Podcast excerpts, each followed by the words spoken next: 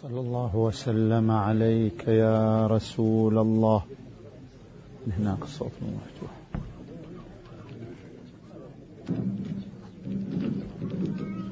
صلى الله وسلم عليك يا رسول الله. وعلى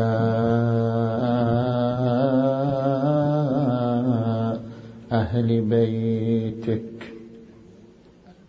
المنتجبين يا ليتنا كنا معكم فنفوز فوزا عظيما.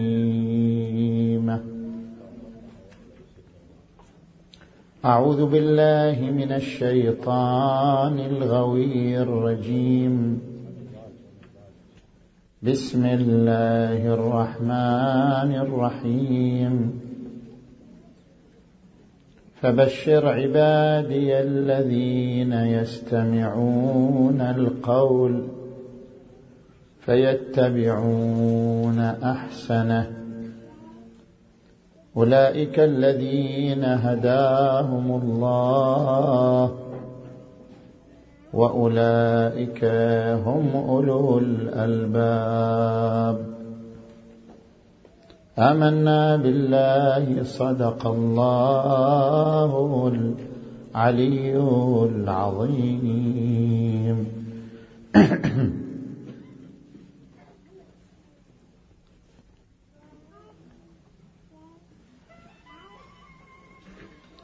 انطلاقا من الآية المباركة نتعرض إلى انسجام الدين والعقل. قد يقال بأننا إذا تأملنا في بعض بنود التشريع الإسلامي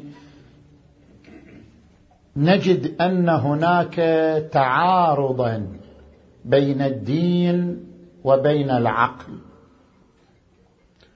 وهذا التصادم بين الدين وبين العقل يفقد الدين جاذبيته لأتباعه فضلا عن غيرهم.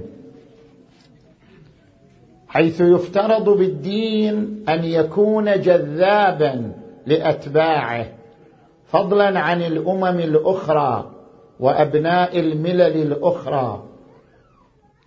بينما الدين في بعض بنوده حيث يتصادم مع العقل يفقد هذه الجاذبية الجاذبية لأتباعه فضلا عن غيرهم. مثلا عندما نقرأ قوله تعالى يوصيكم الله في أولادكم للذكر مثل حظ الأنثيين نرى أن هذا الحكم وهو أن تعطى المرأة نصف سهم من الميراث وليس سهما كاملا. نرى أن هذا يتنافى مع العقل ويتعارض مع جاذبية الدين للنفوس والعقول. من هنا في هذا البحث وهو انسجام الدين والعقل. نتعرض إلى محاور ثلاثة. المحور الأول في نسبية الحقيقة وإطلاقها. هناك سؤال طالما يتبادر إلى الأذهان. هل أن الحقيقة نسبية أم أن الحقيقة مطلقة وليست نسبية؟ عندما نأتي إلى الفكر الإمامي الفكر الإمامي يقول هناك فرق بين نسبية الحقيقة ونسبية الإدراك. الحقيقة ليست نسبية ربما يكون الإدراك نسبيا لا أن الحقيقة المدركة هي أمر نسبي. ما هو الفرق بين نسبية الحقيقة ونسبية الإدراك؟ مثلا عندما نأتي لهذه الطاقة الطاقة الكهربائية التي يتفرع عليها النور نور المصباح.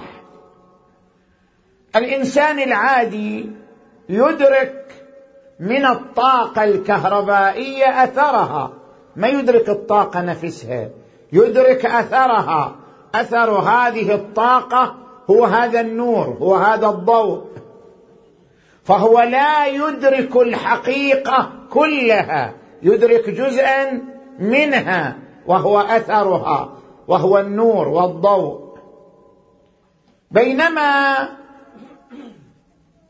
الفيزيائي قد يدرك العناصر التي منها تتكون هذه الطاقة الطاقة الكهربائية.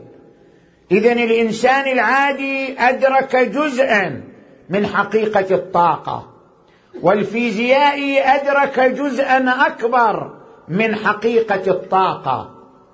الطاقة نفسها الطاقة الكهربائية ليست نسبية. الطاقة حقيقة مطلقة. النسبية في أين؟ النسبية في الإدراك. الإنسان العادي أدرك جزءا من حقيقة الطاقة. الإنسان الفيزيائي أدرك مساحة أكبر من حقيقة الطاقة. اذا نفس الطاقة الكهربائية ليست نسبية هي أمر مطلق. إنما النسبية في إدراكنا لها. إنما النسبية في وعينا بها. إذا فرق بين نسبية الحقيقة ونسبية الإدراك. الحقائق ليست نسبية. الحقائق مطلقة. إنما النسبية في إدراكنا في عقولنا. عقولنا قد لا تدرك الحقيقة بتمامها وإنما تدرك بعضا منها أو جزءا منها. نجي مثلا إلى مثال ديني. نأتي إلى حقيقة النبوة. النبوة ما هي؟ النبوة لها ظاهر لها باطن. ظاهرها القيادة. هذا النبي يشكل قيادة للمجتمع المؤمن. هذه القيادة أمر ظاهري. وهناك أمر باطني للنبوة وهو الاتصال الغيبي الاتصال الملكوتي بين قلب النبي وبين عالم الوحي الذي عبر عنه القرآن الكريم. نزل به الروح الأمين على قلبك لتكون من المنذرين بلسان عربي مبين. هناك اتصال غيبي خفي بين قلب النبي وبين عالم الوحي. نحن ندرك من النبوة الظاهر منها ولا ندرك الباطن منها نحن ندرك من النبوة ظاهرها وهو القيادة للأمة المؤمنة. لكننا لا ندرك العنصر الباطن من النبوة وهو حقيقة الاتصال الغيبي بين قلب النبي وبين عالم الوحي. اذا إدراكنا للنبوة نسبي وليس إدراكا مطلقا. لأننا أدركنا جزءا من النبوة نسبة من حقيقة النبوة. وربما مثل الإمام علي عليه السلام يدرك حقيقة النبوة بواقعها وتمام تفاصيلها. فالنبوة ليست نسبية النبوة حقيقة مطلقة النسبية في إدراكنا نحن. نحن ندرك جزءا منها. وربما الولي والأمير علي بن أبي طالب يختلف عنا يدرك تمام الحقيقة التي نعبر عنها بالألوهية أو حقيقة أخرى وهي النبوة وأمثال تلك الحقائق الدينية.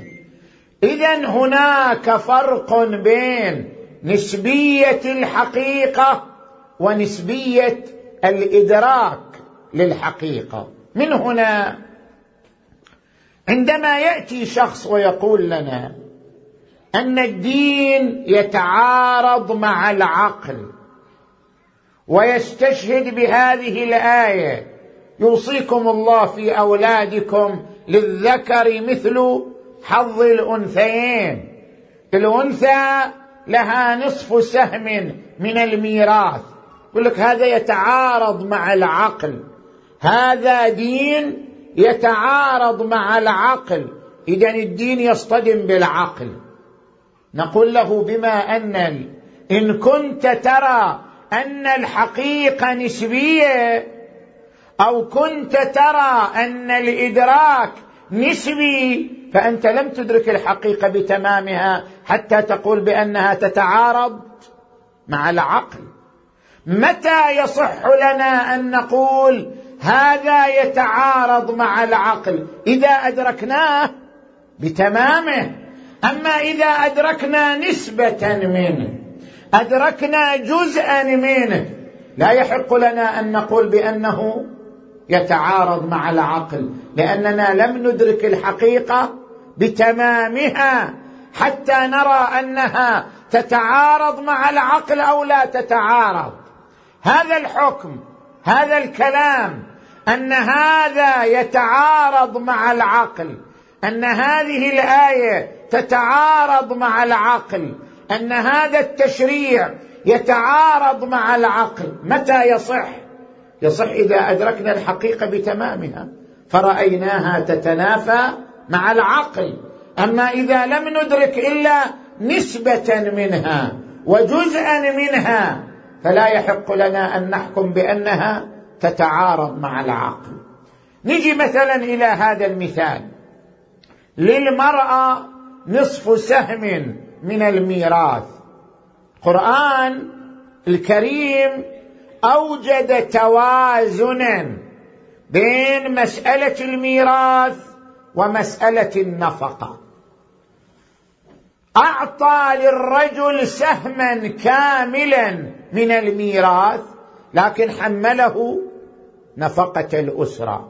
على الرجل أن ينفق على زوجته وأولاده حكما لازما.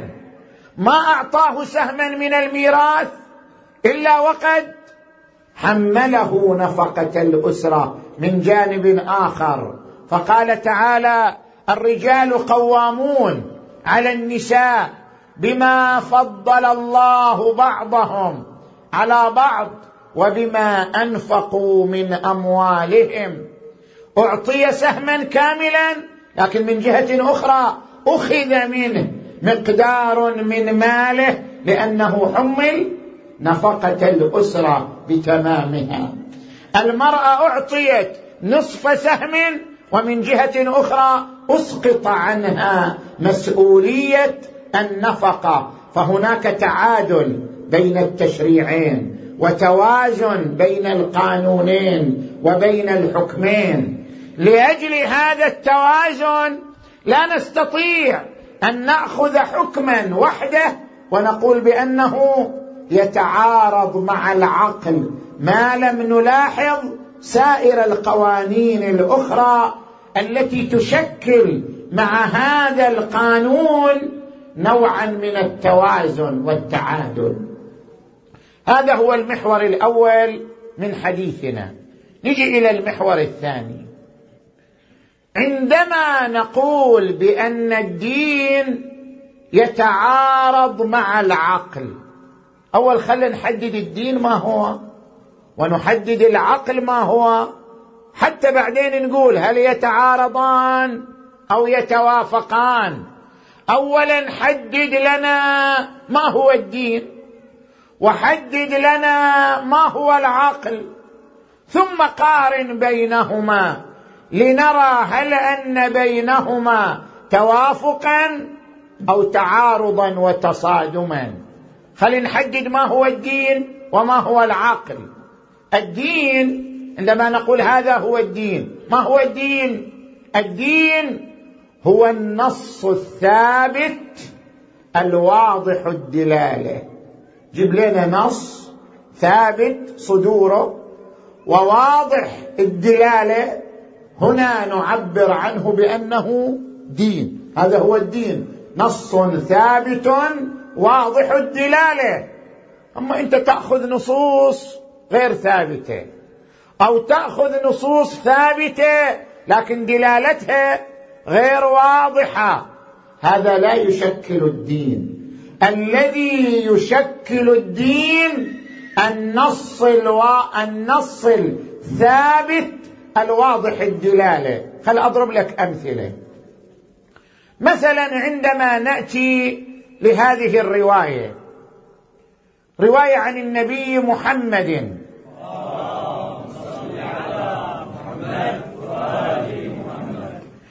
إذا وجدتم أو إذا رأيتم أهل البدع فباهتوهم وأكثروا الوقيعة والطعن فيهم. تجي إلى هذه الرواية كلمة باهتوهم ما هو المقصود منها؟ هل المقصود منها أن نبهت الآخرين يعني أن نكذب عليهم؟ إذا المقصود بالرواية إذا وجدتم أهل البدع باهتوهم يعني اكذبوا عليهم. أوقعوا فيهم بالكذب والبهتان. اذا هذا النص مرفوض. هذا النص يتصادم مع مبادئ القرآن الكريم. لماذا؟ لأن القرآن الكريم يقول ولا يجرمنكم شنآن قوم على أن لا تعدلوا. اعدلوا. هو أقرب للتقوى. نعم إذا كان المراد باهتوهم يعني فاجئوهم من المباهتة لا من البهتان. من المباهتة يعني المفاجأة. فاجئوهم بالدليل فاجئوهم بالحجة والبرهان. حينئذ يكون مفاد الرواية منسجما مع القواعد والمبادئ العامة للقرآن الكريم. مثلا نجي إلى الرواية التي أشرنا إليها في الليلة السابقة. ما ورد عن الإمام علي عليه السلام لا تنكحوا الأكراد فإنهم صنف من الجن كشف عنهم الغطاء. هذه الرواية لم تثبت حتى أنت تعتبرها دين. تجي تقول هذه الرواية دين. وبما أنها تتعارض مع العقل اذا الدين يتعارض مع العقل. يقول لك لا هذه الرواية لم تثبت حتى تعد دينا. الدين هو النص الثابت. النص الذي لم يثبت لا يعبر عنه أنه دين. حتى يقال بأنه يتعارض مع العقل. اذا الدين العنصر الأول أن يكون نصا ثابتا. العنصر الثاني أن يكون واضح الدلالة. يعني العرف العربي يفهمه بمجرد أن يتلقاه. ما في إجمال في دلالته ما في غموض في دلالته. خل أضرب لك مثال. عندما نأتي إلى قوله عز وجل إنما المشركون نجس فلا يقربوا المسجد الحرام بعد عامهم هذا. يجي إنسان يقول لا هذا هذا النص. طيب هذا نص ثابت لأنه نص قرآني. هذا النص دين وهذا يتعارض مع العقل. ليش يتعارض مع العاقل؟ لأن أنا ما أرى فرق بين جسم المشرك وجسم المسلم. كلاهما من حيث الخلايا واحد من حيث التركيب واحد. لماذا هذا الجسم قذر وهذا الجسم طاهر؟ ليش يعني؟ ما هو الفرق بينهما؟ اذا أنت أخذت هذا النص هو نص ثابت. أخذته واضح الدلالة. وبعدين قلت بأنه يتعارض مع العقل. بينما هذا النص هو محل خلاف في تفسيره وتوجيهه. يعني هناك من الفقهاء من يفهم من هذه الكلمة إنما المشركون نجس يفهم منها القذارة المادية. لكن هناك قسم من الفقهاء منهم السيد الشهيد محمد باقر الصدر يفهم منها القذارة المعنوية مو القذارة المادية. قل الشرك قذارة هو نفس الشرك قذارة قذارة قلبية قذارة روحية وليس قذارة مادية وليس قذارة جسدية. اذا هناك اختلاف. في تحليل مفاد الآية المباركة. هذا نص ثابت لكنه ليس واضح الدلالة. إذا متى نقول هذا هو الدين؟ إذا كان نصا ثابتا وواضح الدلالة نقول هذا هو الدين. نجي إلى العقل. ما هو العقل؟ كثير يظن أن العقل ما يتصوره هو. هو أنا جالس أفكر أحلل. ما يخطر بذهني هو العقل. وما يخطر بذهني أحكمه على النصوص القرآنية على الأحاديث النبوية على الأحكام الشرعية. لا هذا تحليل خاطئ. ما هو المقصود بالعقل؟ العقل ليس المقصود به. العقل الشخصي يعني تصوري أو تصورك. ما يخطر ببالي أو ما يخطر ببالك. المراد بالعقل العقل الجمعي. يعني ما يتوافق عليه العقول. القضايا التي يتفق عليها العقلاء هذه تسمى بالعقل. مثلا العقلاء متفقون. على أن الظلم قبيح. هذا يسمى عقل. العقلاء متفقون على أن الأمانة شيء جميل. هذا يسمى عقل. العقلاء متفقون على أن الغش قبيح. هذا يسمى عقل. العقل لا يراد به العقل الشخصي يراد به العقل الجمعي. القضايا التي اتفق عليها العقلاء بعد أن حددنا العقل وحددنا الدين. الدين هو النص الثابت الواضح والعقل هو القضايا التي اتفق عليها المجتمع العقلائي. بعد أن حدد حددنا الدين والعقل نسأل هل هناك تعارض بين الدين والعقل؟ جيب لنا مثال واحد. هل هناك تعارض بين نص ثابت واضح الدلاله وبين قضيه اتفق عليها العقلاء وبين مضمون اتفق عليه العقلاء؟ خلي الصوت كما هو. حتى نقول بأن هناك تعارضا بين الدين وبين العقل. لا يصح أن نطلق التعارض بين الدين والعقل إلا إذا رأينا نصا ثابتا واضح الدلاله ومع ذلك يصطدم مع قضية اتفق العقلاء عليها. خل أضرب لك مثال هنا؟ عندما نأتي إلى قوله عز وجل وقالوا إنما البيع مثل الربا. وأحل الله البيع وحرم الربا. يجي إنسان يقول طيب هذا نص ثابت. زين؟ لأنه قرآن. وواضح الدلالة. لأن واضح يقول الربا حرام. زين؟ وهذا يتعارض مع العقل. ليش يتعارض مع العقل؟ لأن تحريم الربا يعني يجعل عنصر المخاطرة بلا قيمه أنا الآن من أقرضك أقرضك ألف دولار. زين؟ لمدة شهر أو لمدة سنة. أنا قاعد أخاطر بأموالي لأن أموالي قد ترجع وقد لا ترجع.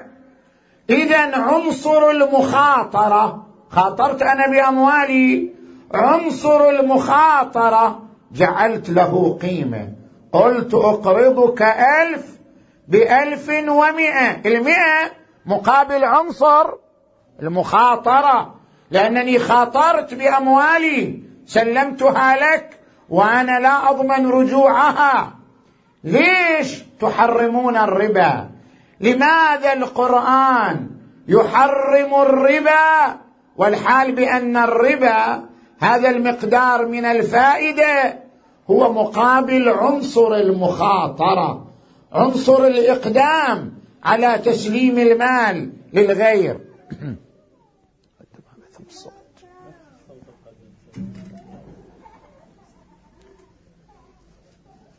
هنا نقول هل إعطاء القيمة يعني أنت تاخذ مقدار من المال مقابل عنصر المخاطرة.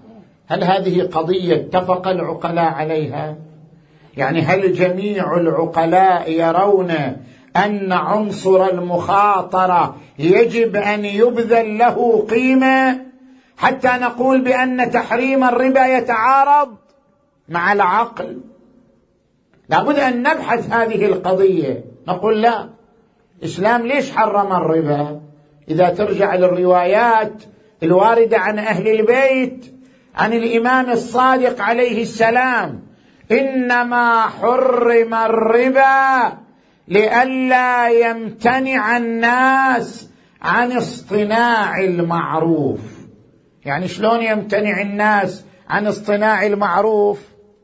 القرض تضحية. أنت عندما تقرض قاعد تضحي. صحيح أنت ملكت على ذمة المقترض مبلغا من المال. لكن أنا قاعد أضحي.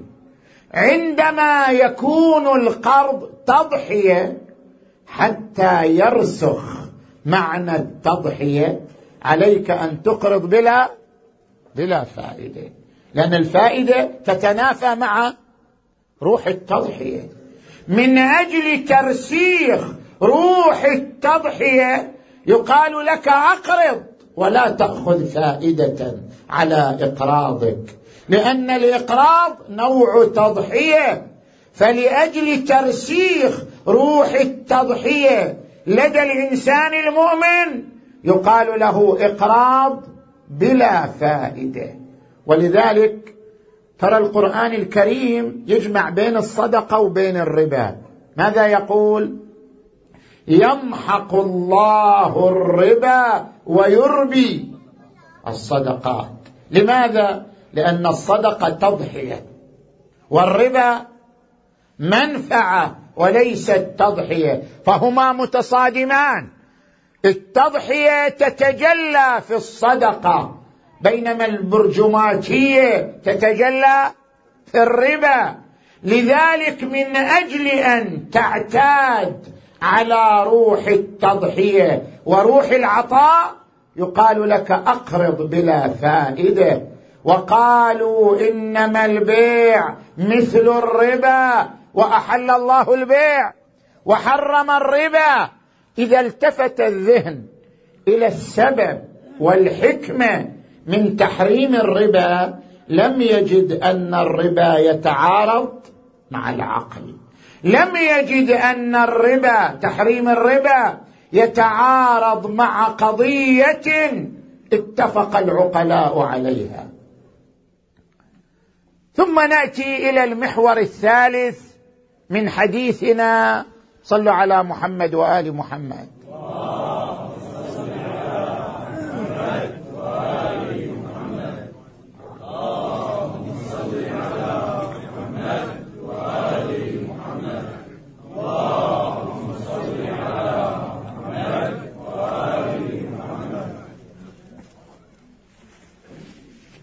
المحور الثالث في انسجام الدين مع العقل. هل الدين أمر ثابت لا يتغير وبالتالي يتعارض مع حكم العقل بأن العالم يتغير المجتمعات تتغير حضارات تتغير فكيف يكون الدين ثابت؟ والمجتمع الإنساني يتغير جيلا بعد جيل وزمنا بعد زمن.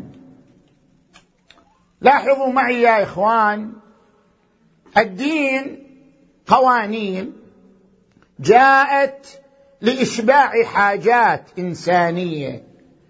الدين مجموعة من القوانين شرعت لإشباع حاجات إنسانية. الحاجات الإنسانية على قسمين قسم ثابت وقسم متغير. الحاجات الإنسانية ليست على نسق واحد هي على صنفين. هناك حاجات ثابتة شرع لها الإسلام قوانين ثابتة. وهناك حاجات متغيرة شرع لها الإسلام قوانين متغيرة. تجي مثلا حاجة الإنسان إلى العبادة. إنسان محتاج إلى العبادة. الإنسان يحتاج إلى العبادة لأنه يحتاج إلى الاطمئنان النفسي. كما قال القرآن الكريم والذين آمنوا وتطمئن قلوبهم بذكر الله. ألا بذكر الله؟ تطمئن القلوب. وقال في آية أخرى إنما المؤمنون الذين إذا ذكر الله وجلت قلوبهم وإذا تليت عليهم آياته زادتهم إيمانا وعلى ربهم يتوكلون. الإنسان يحتاج إلى الاطمئنان. اذا هو يحتاج إلى العبادة لأن العبادة توفر له الاطمئنان والاستقرار. حاجة الإنسان إلى العبادة حاجة ثابتة. لذلك شرع لها الإسلام قوانين ثابتة. هناك صلاه ثابتة في اليوم خمس مرات. هذا قانون ثابت لأنه يعالج حاجة ثابتة. عندما نجي إلى الحاجات المتغيرة الإسلام أيضا وضع قوانين متغيرة تبعا لتغير الحاجات وتجددها. من أين نستكشف القوانين المتغيرة؟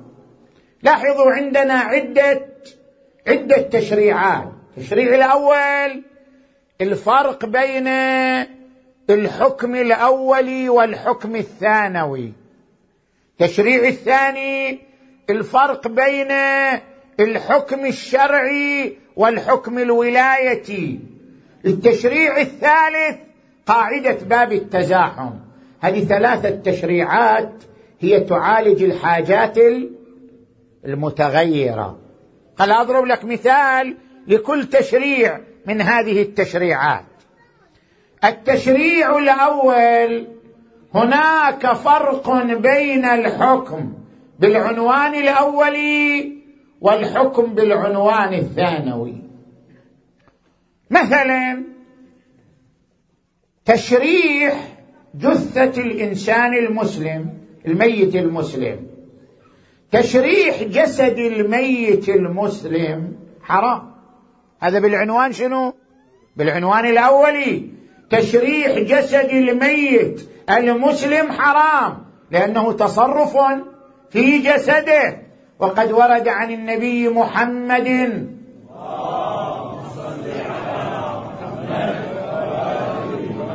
إن حرمة الميت إن حرمة المؤمن ميتا كحرمته حيا ما يصير تتصرف في جسده؟ زين؟ لكن لأن هناك حاجات متغيرة وضع لها تشريعا آخر.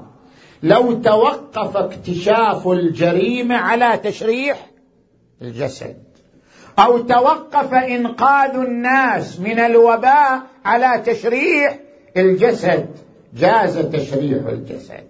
حتى نكتشف الجريمة نشرح الجسد. حتى نمنع الوباء أكو مرض منتشر. حتى نمنع الوباء من الانتشار نشرح الجسد. اذا يجوز تشريح الجسد بالعنوان الثانوي لعلاج هذه الحاجة المستجدة وهي الحاجة لاكتشاف الجريمة الحاجة لمنع انتشار الوباء والمرض. تجي مثلا إلى قانون ثاني. هناك فرق بين الحكم الشرعي والحكم الولايتي يعني شلون الحكم الشرعي والحكم الولايتي أضرب لك مثال. الزكاة حكم شرعي.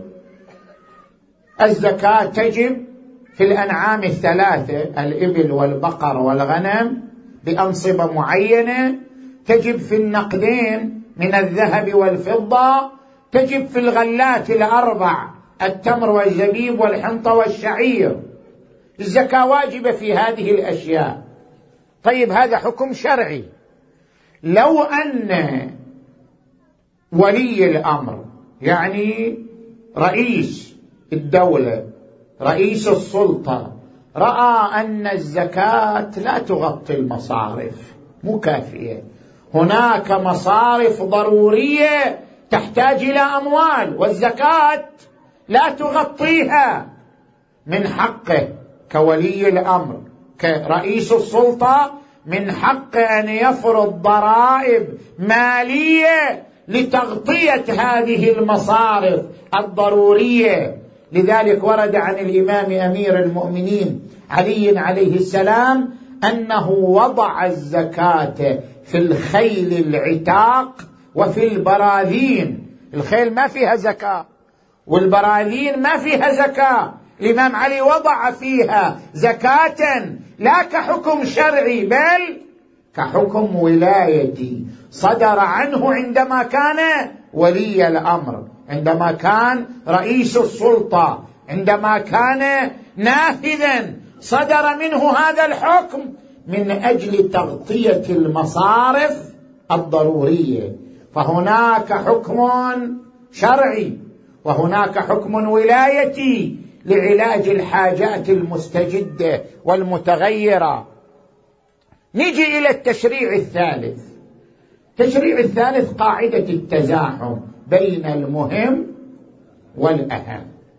يقدم الأهم على المهم في مجال التزاحم بين المهم والأهم. أضرب لك مثال حيوي ابتلائي. لا يجوز للمرأة أن تكشف جسدها للرجل. هذا حكم شرعي. زين. لو توقف علاجها على ذلك أو كان الرجل شوف هذا التعبير موجود في الرواية وموجود في فتوى السيد السيستاني دام ظل نفس التعبير أو كان الرجل أرفق بعلاجها. يعني الرجل أحيانا يكون أكثر رفقا في علاج المرأة المريضة من المرأة من الدكتورة يعني المرأة. أو الرجل أصلح بعلاجها من المرأة. حينئذ يجوز لها. صار من باب شنو؟ من باب التزاحم. التزام المرأة بستر جسدها. هذا مهم.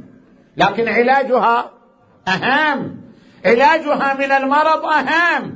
لو توقف علاجها على أن تحضر عند رجل أو كان الرجل أرفق بها من المرأة حينئذ يتعين أن أو يجوز لها أن تعالج عند الرجل.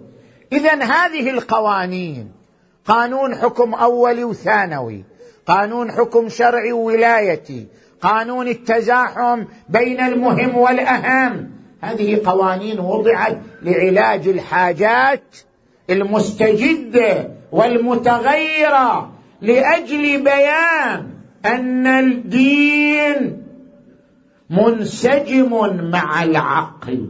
فهو يعالج الحاجات الثابتة بقوانين ثابتة ويعالج الحاجات المتغيرة بقوانين متغيرة. الدين منسجم مع العقل. الأحكام العقلية الفطرية أكدها الدين وأيدها. القرآن الكريم يقول فأقم وجهك للدين حنيفا فطرة الله التي فطر الناس عليها. يعني الدين شيء فطري منسجم مع الفطرة منسجم مع العقل. وورد عن الإمام أمير المؤمنين علي عليه السلام فبعث فيهم رسله وواتر إليهم أنبياءه ليستأدوهم ميثاق فطرته ويذكروهم منسي نعمته وليثيروا دفائن العقول. الدين لا يصطدم مع العقل بل يثير دفائن العقول. الدين يحرك العقل لأن يستثمر نفسه لأن يستغل نفسه وليثيروا دفائن العقول. وورد عن النبي محمد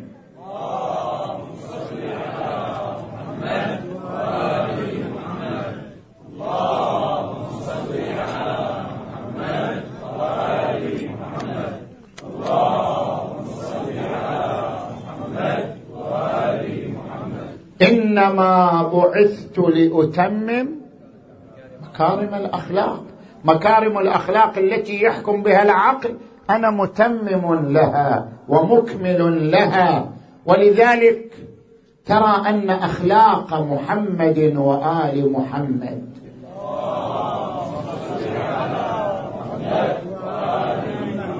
هي القيم الإنسانية هي القيم الفطرية هي الأحكام العقلية.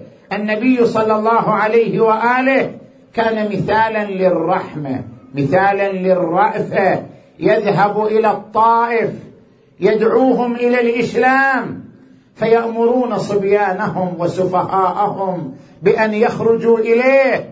فيخرج إليه الصبي والسفهاء يلقفونه بالحجارة وبالأشواك وهو يتلقاها باسما مطمئنا إلى أن دميت رجلاه. من الأشواك أقبل واستند إلى حائط يعني إلى جدار بستان وقال اللهم اهد قومي فإنهم لا يعلمون. هذا هو رسول الله وهذا علي بن أبي طالب. يوم صفين يوم صفين لما تقابل علي وجيش معاوية. جيش معاوية سيطر في البداية على نهر الفرات ومنع جيش الإمام علي من شرب الماء حتى يقاومهم بسلاح العطش. الإمام علي عليه السلام يقول أحد أصحابه فخرج الناس يضجون الجيش يضج جيش الإمام علي ما نقدر نقاتل بدون ماء؟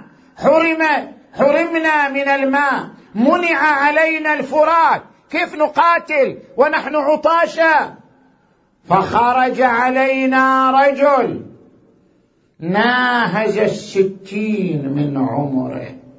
ربط الحزام على بطنه. وانقلب على جيش معاوية وأجلاهم عن الفرات. علي بن أبي طالب.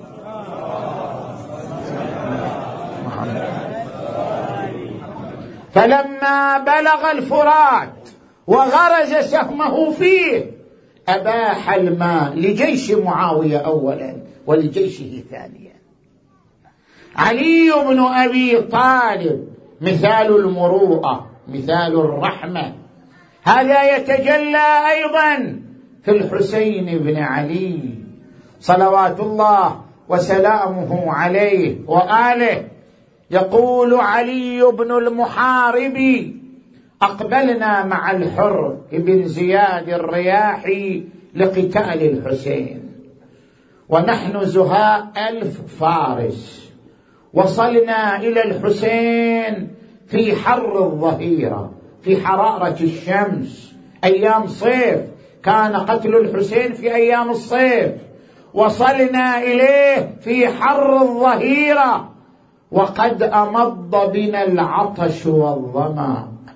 فلما رآنا الحسين ونحن عطاشا أمر أصحابه وقال قوموا واسقوا القوم ورشفوهم ترشيفا. وهم جاءوا لقتاله. يقول علي بن المحارب أنا آخر من وصل من الجيش. وقد أكل العطش كبدي ويبست شفتي لما رآني الحسين قد وصلت وكان أصحابه مشغولين بسقي القوم قام إلي بنفسه بأبي وأمي. أقبل علي وقال لي اخنث السقاء فلم أفهم مراده قال أنخ الراوية ثم رفع بيده الكريمه القربه وسقاني بنفسه وسقى فرسي. الحسين مثال المروءة مثال الرحمة مثال العطف. يوم بيوم علي بن المحارب يقول الحسين سقاني بيده الكريمه في ذلك اليوم. وفي يوم العاشر من المحرم رأيت الحسين يفحص برجليه يفحص برجليه في التراب وقد صهرته حرارة الشمس وهو يلوج من شدة العطش والظمأ. فما سقاه القوم قطرة واحدة من الماء لا يذبح الكبش حتى يروى من ظمأ ويذبح ابن رسول الله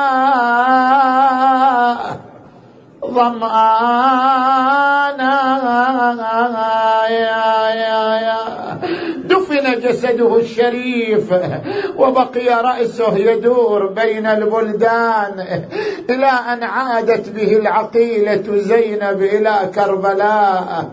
لما وصلوا إلى كربلاء نزلت بأبي وأمي زينب ورأس الحسين في صدرها. تشمه تضمه. هذه آخر الساعات. رأس أخيها معها أربعين يوما. واليوم ستفارق رأس أخيها.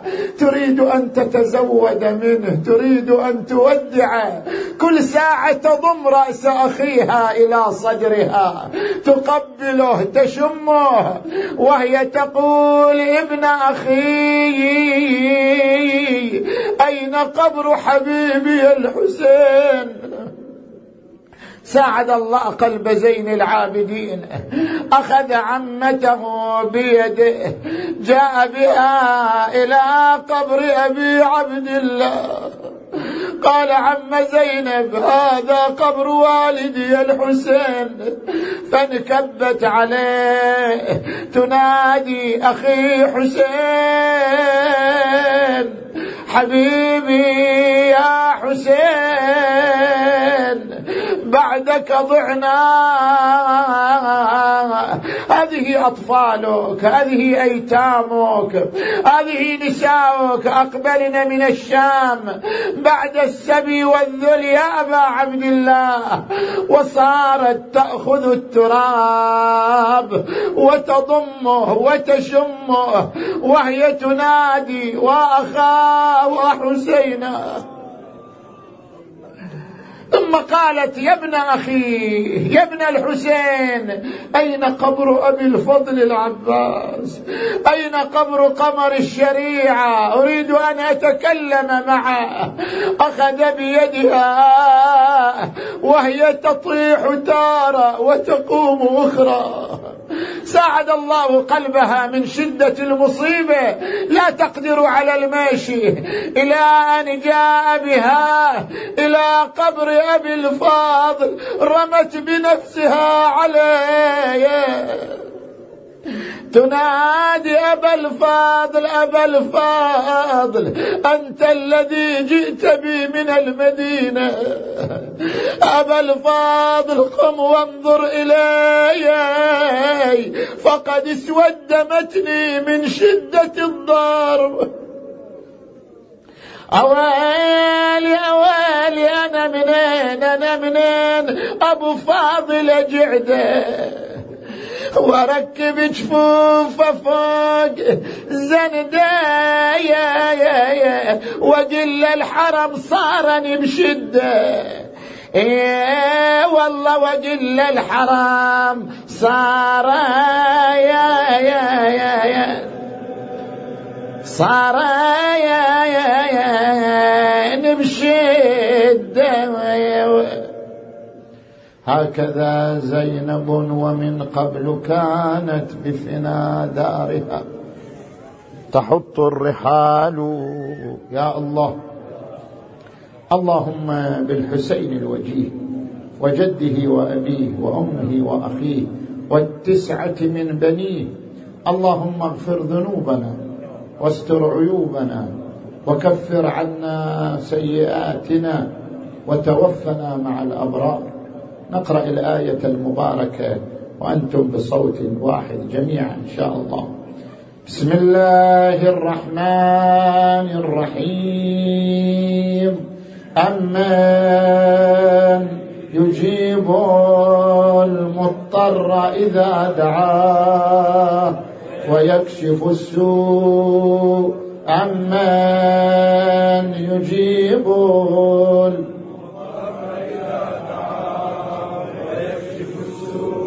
أمن يجيب المضطر إذا دعاه. أمن يجيب المضطر إذا دعاه. أمن يجيب المضطر إذا دعاه. صوت واحد يا الله يا الله يا الله يا الله يا الله يا الله يا الله يا الله يا الله يا الله. اللهم باسمك العظيم الأعظم الأعز الأجل الأكرم يا الله. بفاطمة وأبيها وبعلها وبنيها والسر المستودع فيها. اللهم اشف مرضانا ومرضى المؤمنين والمؤمنات واقض حوائجنا وحوائج المؤمنين والمؤمنات. اللهم انصر إخواننا المؤمنين في كل مكان يا أرحم الراحمين.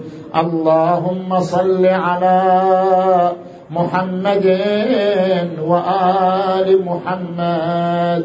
اللهم كن لوليك الحجة ابن الحسن صلواتك عليه. في هذه وفي كل وليا وقائدا ودليلا حتى تسكنه أرضك وتمتعه فيها طويلا. برحمتك يا أرحم الراحمين. وإلى أرواح أموات المؤسسين والمؤمنين والمؤمنات الفاتحة تسبقها الصلوات.